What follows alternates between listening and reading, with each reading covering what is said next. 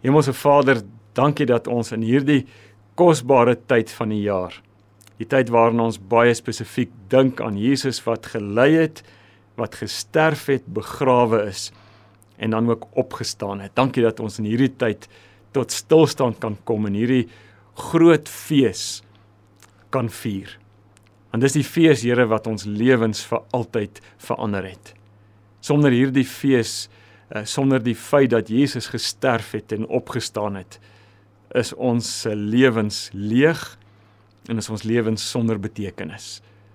Maar dankie Here Jesus dat U U lewe gegee het, dat U uit liefde U lewe afgelê het en dat ons daarom kan lewe.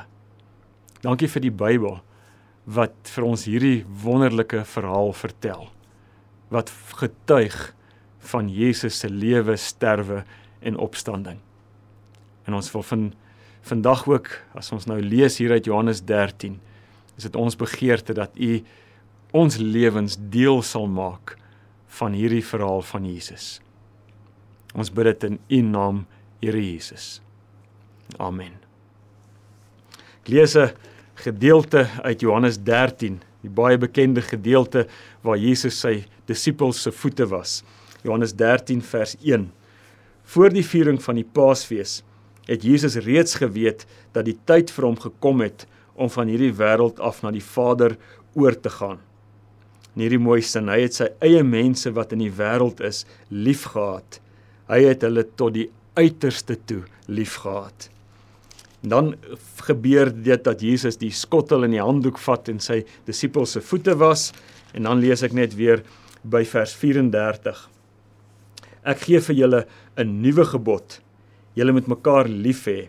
Soos ek julle liefhet, sê Jesus, moet julle mekaar lief hê. As julle mekaar liefhet, sal almal weet dat julle disippels van my is. In hierdie gedeelte Johannes 13 sit Jesus of slê Jesus as ware saam met sy disippels by die tafel aan. Nou as jy na hierdie groepie mense wat daar saam met Jesus is, hierdie groep disippels van Jesus kyk, individueel en selfs as groep, dan dan is dit eintlik alles behalwe 'n volmaakte groepie mense. Want Judas is daar. Petrus is daar, die seuns van Donder is daar. So dis alles behalwe 'n volmaakte groepie mense. En dan vertel Johannes van Jesus, dan sê Johannes van Jesus hierdie woorde. En dit is Jesus het sy mense wat natuurlik hierdie groepie insluit liefgehad en dan hierdie mooi woorde wat ek net nou gelees het ook. Jesus het hulle tot die uiterste toe liefgehad. Nadat Johannes dit gesê het, dan is dit asof Jesus hierdie asof Jesus daad by die woord sit. Asof Jesus hierdie feit dat hy hulle tot die uiterste toe liefgehad het, asof hy dit wil demonstreer. En hy demonstreer sy uiterste liefde deur 'n handdoek en 'n skottel te vat, te kniel by die vuil voete van sy disippels en hulle voete te was. Nou kan mense sê maar wat wat gebeur nou daar? Hoekom hoekom is dit 'n demonstrasie van Jesus se uiterste liefde? Die rede daarvoor is Jesus met die voetwassing wys hy na iets anders toe. Iets baie groter as die was van voete. Die voetwassing wys heen na sy kruis. Dit wys heen na die die oomblik waar hy sy lewe aflê, waar sy bloed vloei om nie net voete te was nie, maar om ons lewens skoon te was, om ons te reinig van sonde. So as hy as Jesus voete was as 'n demonstrasie van sy liefde tot die uiterste toe, dan is dit omdat dit dat dit omdat dit heen wys na sy kruis waar hy deur sy bloed ons skoon was. En nadat Jesus nou hierdie voete gewas het, nadat hy gedemonstreer het hoe lief hy het, is hy is hy besig om met sy disippels in Johannes 13 te gesels. En as hy met hulle gesels, dan deel hy sy drome met hulle. En hy deel baie spesifiek hier sy drome met hulle oor sy kerk. En die ding wat hy sê oor sy kerk lees ons, dit sy droom vir sy kerk lees ons in vers 34 en 35. Hy sê ek gee julle 'n nuwe gebod. Dis nou vir sy kerk. Julle moet mekaar lief hê Soos ek julle liefhet, so moet julle mekaar ook lief hê. En dan hierdie woorde: As julle mekaar liefhet, sal almal, dis die hele wêreld weet dat julle disippels van my is, dat julle my volgelinge is, dat julle my leerlinge is. Om dit in, in gewone Afrikaans te sê, wat Jesus hier sê as hy as hy sy droom vir sy kerk deel met sy disippels, dan sê hy ek droom van 'n kerk. Ek droom van 'n groep mense wat die liefdevolste groep mense op aarde sal wees. Dis Jesus se droom wat hy deel hier met sy disippels. Wanneer hy praat oor sy uiterste liefde vir hulle en dit demonstreer, dan droom hy van 'n kerk wat die van 'n groep mense wat die liefdevolste groep mense op aarde is. En weet jy, God is vandag nog, Jesus is vandag nog besig om hierdie selfde droom te droom. Jesus het nog nooit hierdie droom van hom begrawe nie. En dis ook sy droom vir KSM vir hierdie geloofsfamilie van ons. Jesus droom nie in die eerste plek daaroor dat ons 'n magtige gemeente sal wees nie. Hy droom nie in die eerste plek daaroor dat ons 'n groot en 'n suksesvol en 'n ryk en 'n bekende gemeente sal wees nie. Sy droom in die heel eerste plek vir ons is dat ons die liefdevolste gemeenskap op aarde sal wees. Dis ook wat Paulus so mooi sê daar in Efesiërs 3 vers 17. Hy praat daar nie praat net nie, hy bid vir die kerk. En dan bid hy vir die kerk en hy sê mag julle in liefde gewortel en gegrondves sal wees. Mag julle gewortel wees in die liefde en mag julle gebou word op die fondament van liefde. Jesus se droom vir sy kerk en ook vir hierdie gemeente is dat ons die liefdevolste gemeenskap, die liefdevolste groep mense op aarde sal wees. En so 'n gemeente, so 'n gemeenskap, so 'n groep mense het het verskeie eienskappe. So 'n liefdevolle groep mense het 'n klomp eienskappe en ek wil vandag stil staan by twee van hierdie eienskappe wat ek terloops raak gehoor het, raak gelees het by 'n gemeente daar in Philadelphia, nie Philadelphia nie, in San Francisco. Gemeente se naam is Menlo Church. Hierdie gemeente se visie is die volgende. Hulle sê by hierdie gemeente almal welkom. Tweede ding, niemand is volmaak nie. En dan die derde ding is vir God is niks onmoontlik nie. Nou ek wil vir 'n paar oomblikke by die by die eerste twee eienskappe gaan stil staan van 'n gemeente wat liefhet, wat 'n liefdevolle gemeenskap is. Die eerste eienskap is almal is welkom. Wanneer Jesus gekruisig word, wanneer hy opstaan en wanneer hy hy die Heilige Gees uit uitstort, dan stuur hy sy kerk. En hy stuur sy kerk in die wêreld in om te gaan kerk wees. In die Romeinse wêreld waar in die eerste kerk, die eerste groepie gelowiges moes gaan kerk wees, was 'n kerk was 'n wêreld wat ek wil amper sê vrot was van kennisgewing borde wat gesê het geen ingang of nie welkom nie. Vrouens, kinders, slawe was beskou in daardie wêreld, daardie Romeinse wêreld beskou as besittings. Siekes was nie welkom nie. Daarom omdat hulle beskou is as besittings, was was vroue en kinders en slawe en siekes nie welkom gewees nie. En in hierdie wêreld in hierdie wêreld met sy kennisgewingsborde wat sê jy's mense wat anders is is nie welkom nie. In hierdie wêreld het daar 'n enaardige ding begin gebeur.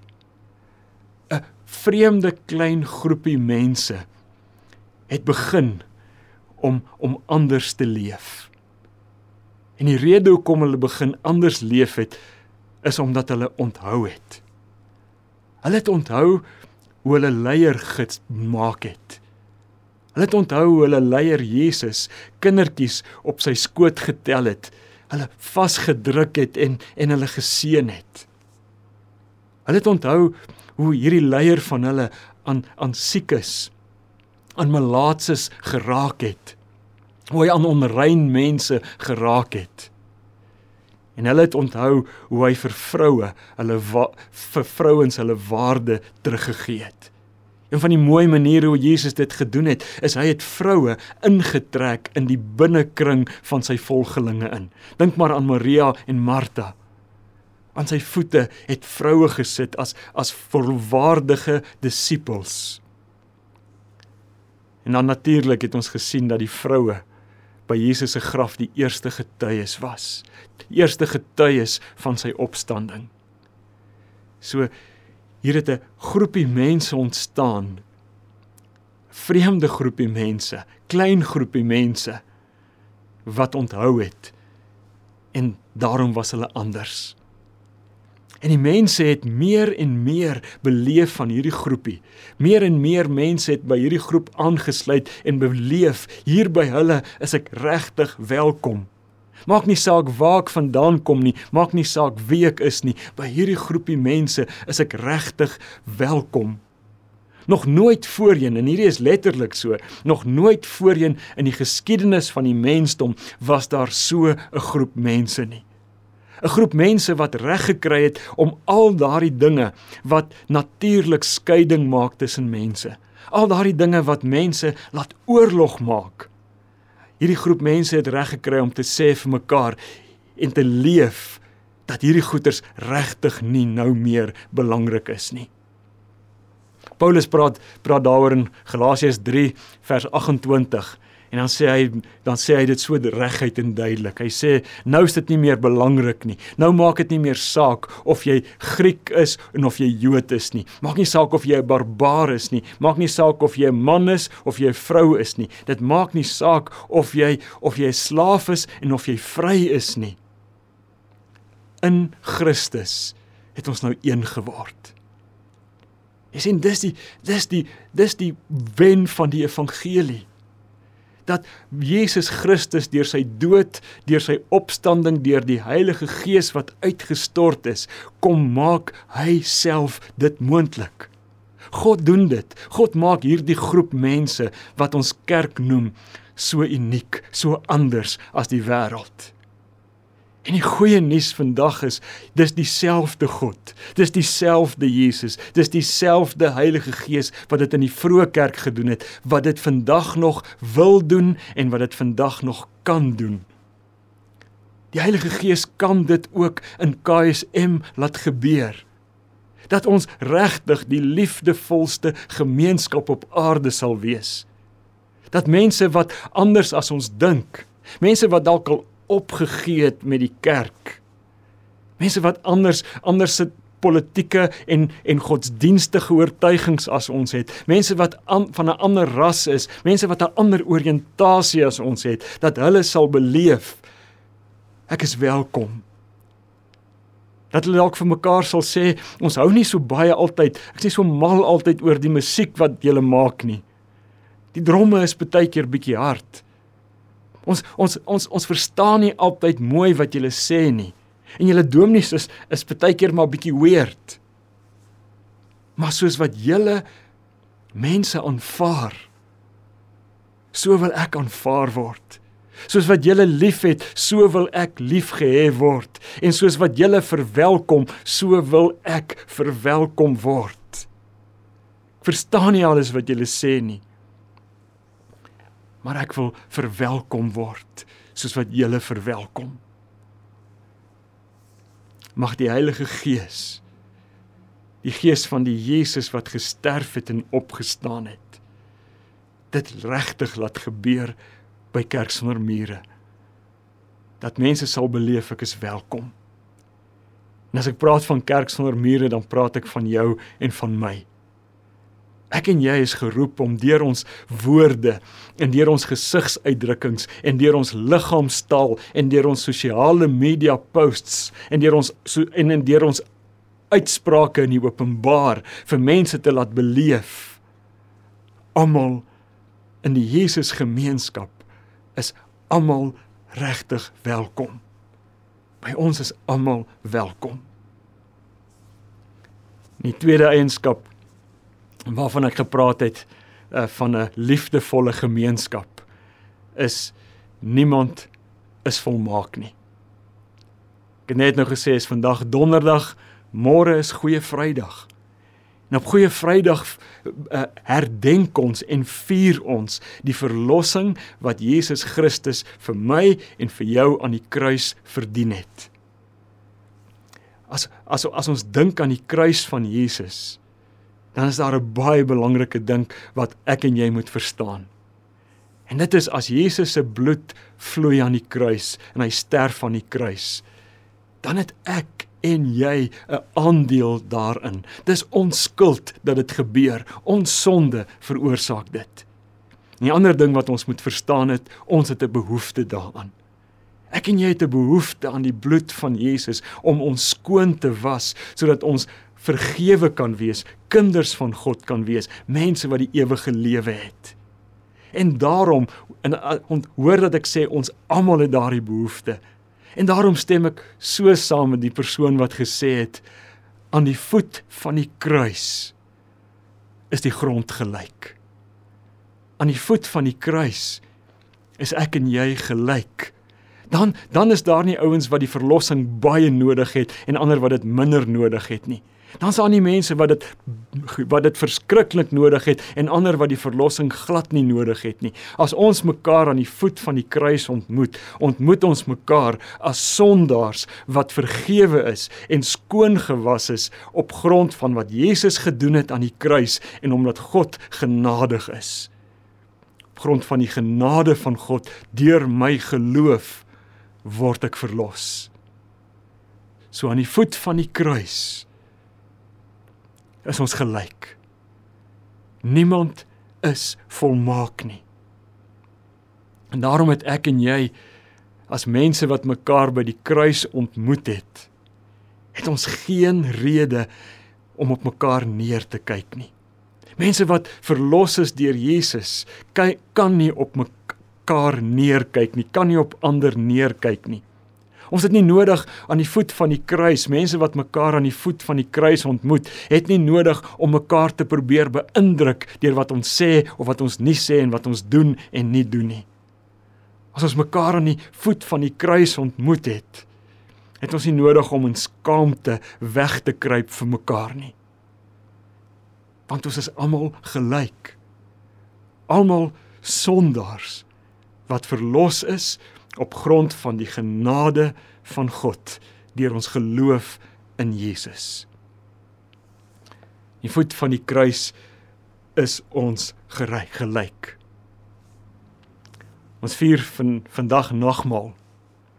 Ek het raak gelees die afgelope tyd 'n bietjie gaan lees oor wat Calvin oor die nagmaal gesê het. En hy het hy het 'n baie mooi ding gesê wat aansluit by hierdie feit dat niemand van ons volmaak is nie. Hy sê die enigste rede waarom ek waardig is om die nagmaal te mag gebruik is omdat ek so onwaardig is. As ek besef ek is onwaardig om die nagmaal te gebruik en die enigste rede waarom ek waardig is om die nagmaal te gebruik is nie op grond van wie ek is of op grond van wat ek gedoen het nie, maar omdat Jesus gedoen het wat hy gedoen het. As ek besef ek is onwaardig, maar deur Jesus, deur my geloof in hom word ek waardig. Dan mag ek nagmaal gebruik. Calvin gaan verder hiermee en hy sê daar's baie mense wat sê ja, ek word waardig om nagmaal te gebruik deur my geloof in Jesus. Maar dan sê hulle hierdie geloof van my moet volmaakte geloof wees. En dan sê hy daaroor, besef hulle nie as hulle dit sê As hulle sê my geloof moet volmaak wees voordat ek mag nagmaal gebruik, sê hy besef hulle nie dat hulle ons wegdryf van die nagmaal af nie, want nie een van ons is volmaak nie en nie een van ons se geloof is volmaak nie. Dan sê hy mense wat aandring daarop dat ons volmaak moet wees voor ons die nagmaal gebruik, maak eintlik die nagmaal oorbodig. Want sê hy Die nagmaal is bedoel vir onvolmaakte mense. Nie vir volmaakte mense nie, maar vir swak mense. Want die nagmaal is vir ons gegee deur Jesus self om ons geloof juis te versterk en om ons in ons liefde te versterk. En daarom is my my samevatting van die nagmaal vandag. Die nagmaal is 'n fees vir onvolmaaktes. Die nagmaal is 'n fees vir onwaardiges. En die enigste rede hoekom ek die nagmaal mag vier is omdat ek besef dat ek onvolmaak is. Dat ek besef dat ek onwaardig is. En dat ek net waardig is en net net mag deelneem aan hierdie groot feesmaaltyd op grond van my geloof in Jesus. Al is dit sukkelende geloof. Al is dit nie volmaakte geloof nie. Daarom wil ek jou vandag uitnooi. As jy besef nie een van ons is volmaak nie. Maar die een wat aan die kruis gehang het, hy's volmaak. En jy gee jou lewe aan hom oor en sê Here Jesus, Ek roem nie op myself en my prestasies en my volmaaktheid nie, maar ek hou vas aan U en U volmaaktheid. As dit jy is, dan wil ek jou uitnooi kom eet saam met ons vandag. Hierdie brood eet saam met ons die wyn. Ek gaan nou die nagmaal instel, gaan die brood breek en die wyn skink. En dan wil ek jou uitnooi om op jou eie tyd as individu of saam met jou mense die nagmaal te gebruik. Die brood hierdie brood wat ons breek is die gemeenskap met die liggaam van ons Here Jesus. Neem die brood, eet dit en dink aan die volmaakte offer wat die volmaakte paaslam Jesus gebring het vir onvolmaakte mense soos ek en jy. En besef dan as jy deelneem aan hierdie volmaakte offer vir onvolmaaktes, het ons geen rede om op ander neer te kyk nie. Want aan die voet van die kruis, as ons die brood eet, dan verklaar ons dat ons gelyk is. Die wyn wat ons skink en wat ons drink is ons gemeenskap met die bloed van ons Here Jesus. As ons hierdie wyn drink, dan dink ons daaraan dat Jesus se kosbare bloed gevloei het omdat hy ons tot die uiterste toe liefhet. Sy bloed het gevloei om ons te reinig van al ons ongeregtigheid, om ons skoon te was sodat ons as skoongewaste kinders van die Vader kan leef. Neem nou die brood, eet dit. Drink die wyn en beleef hoe die Here Jesus jou in jou geloof versterk en in jou liefde versterk. Amen.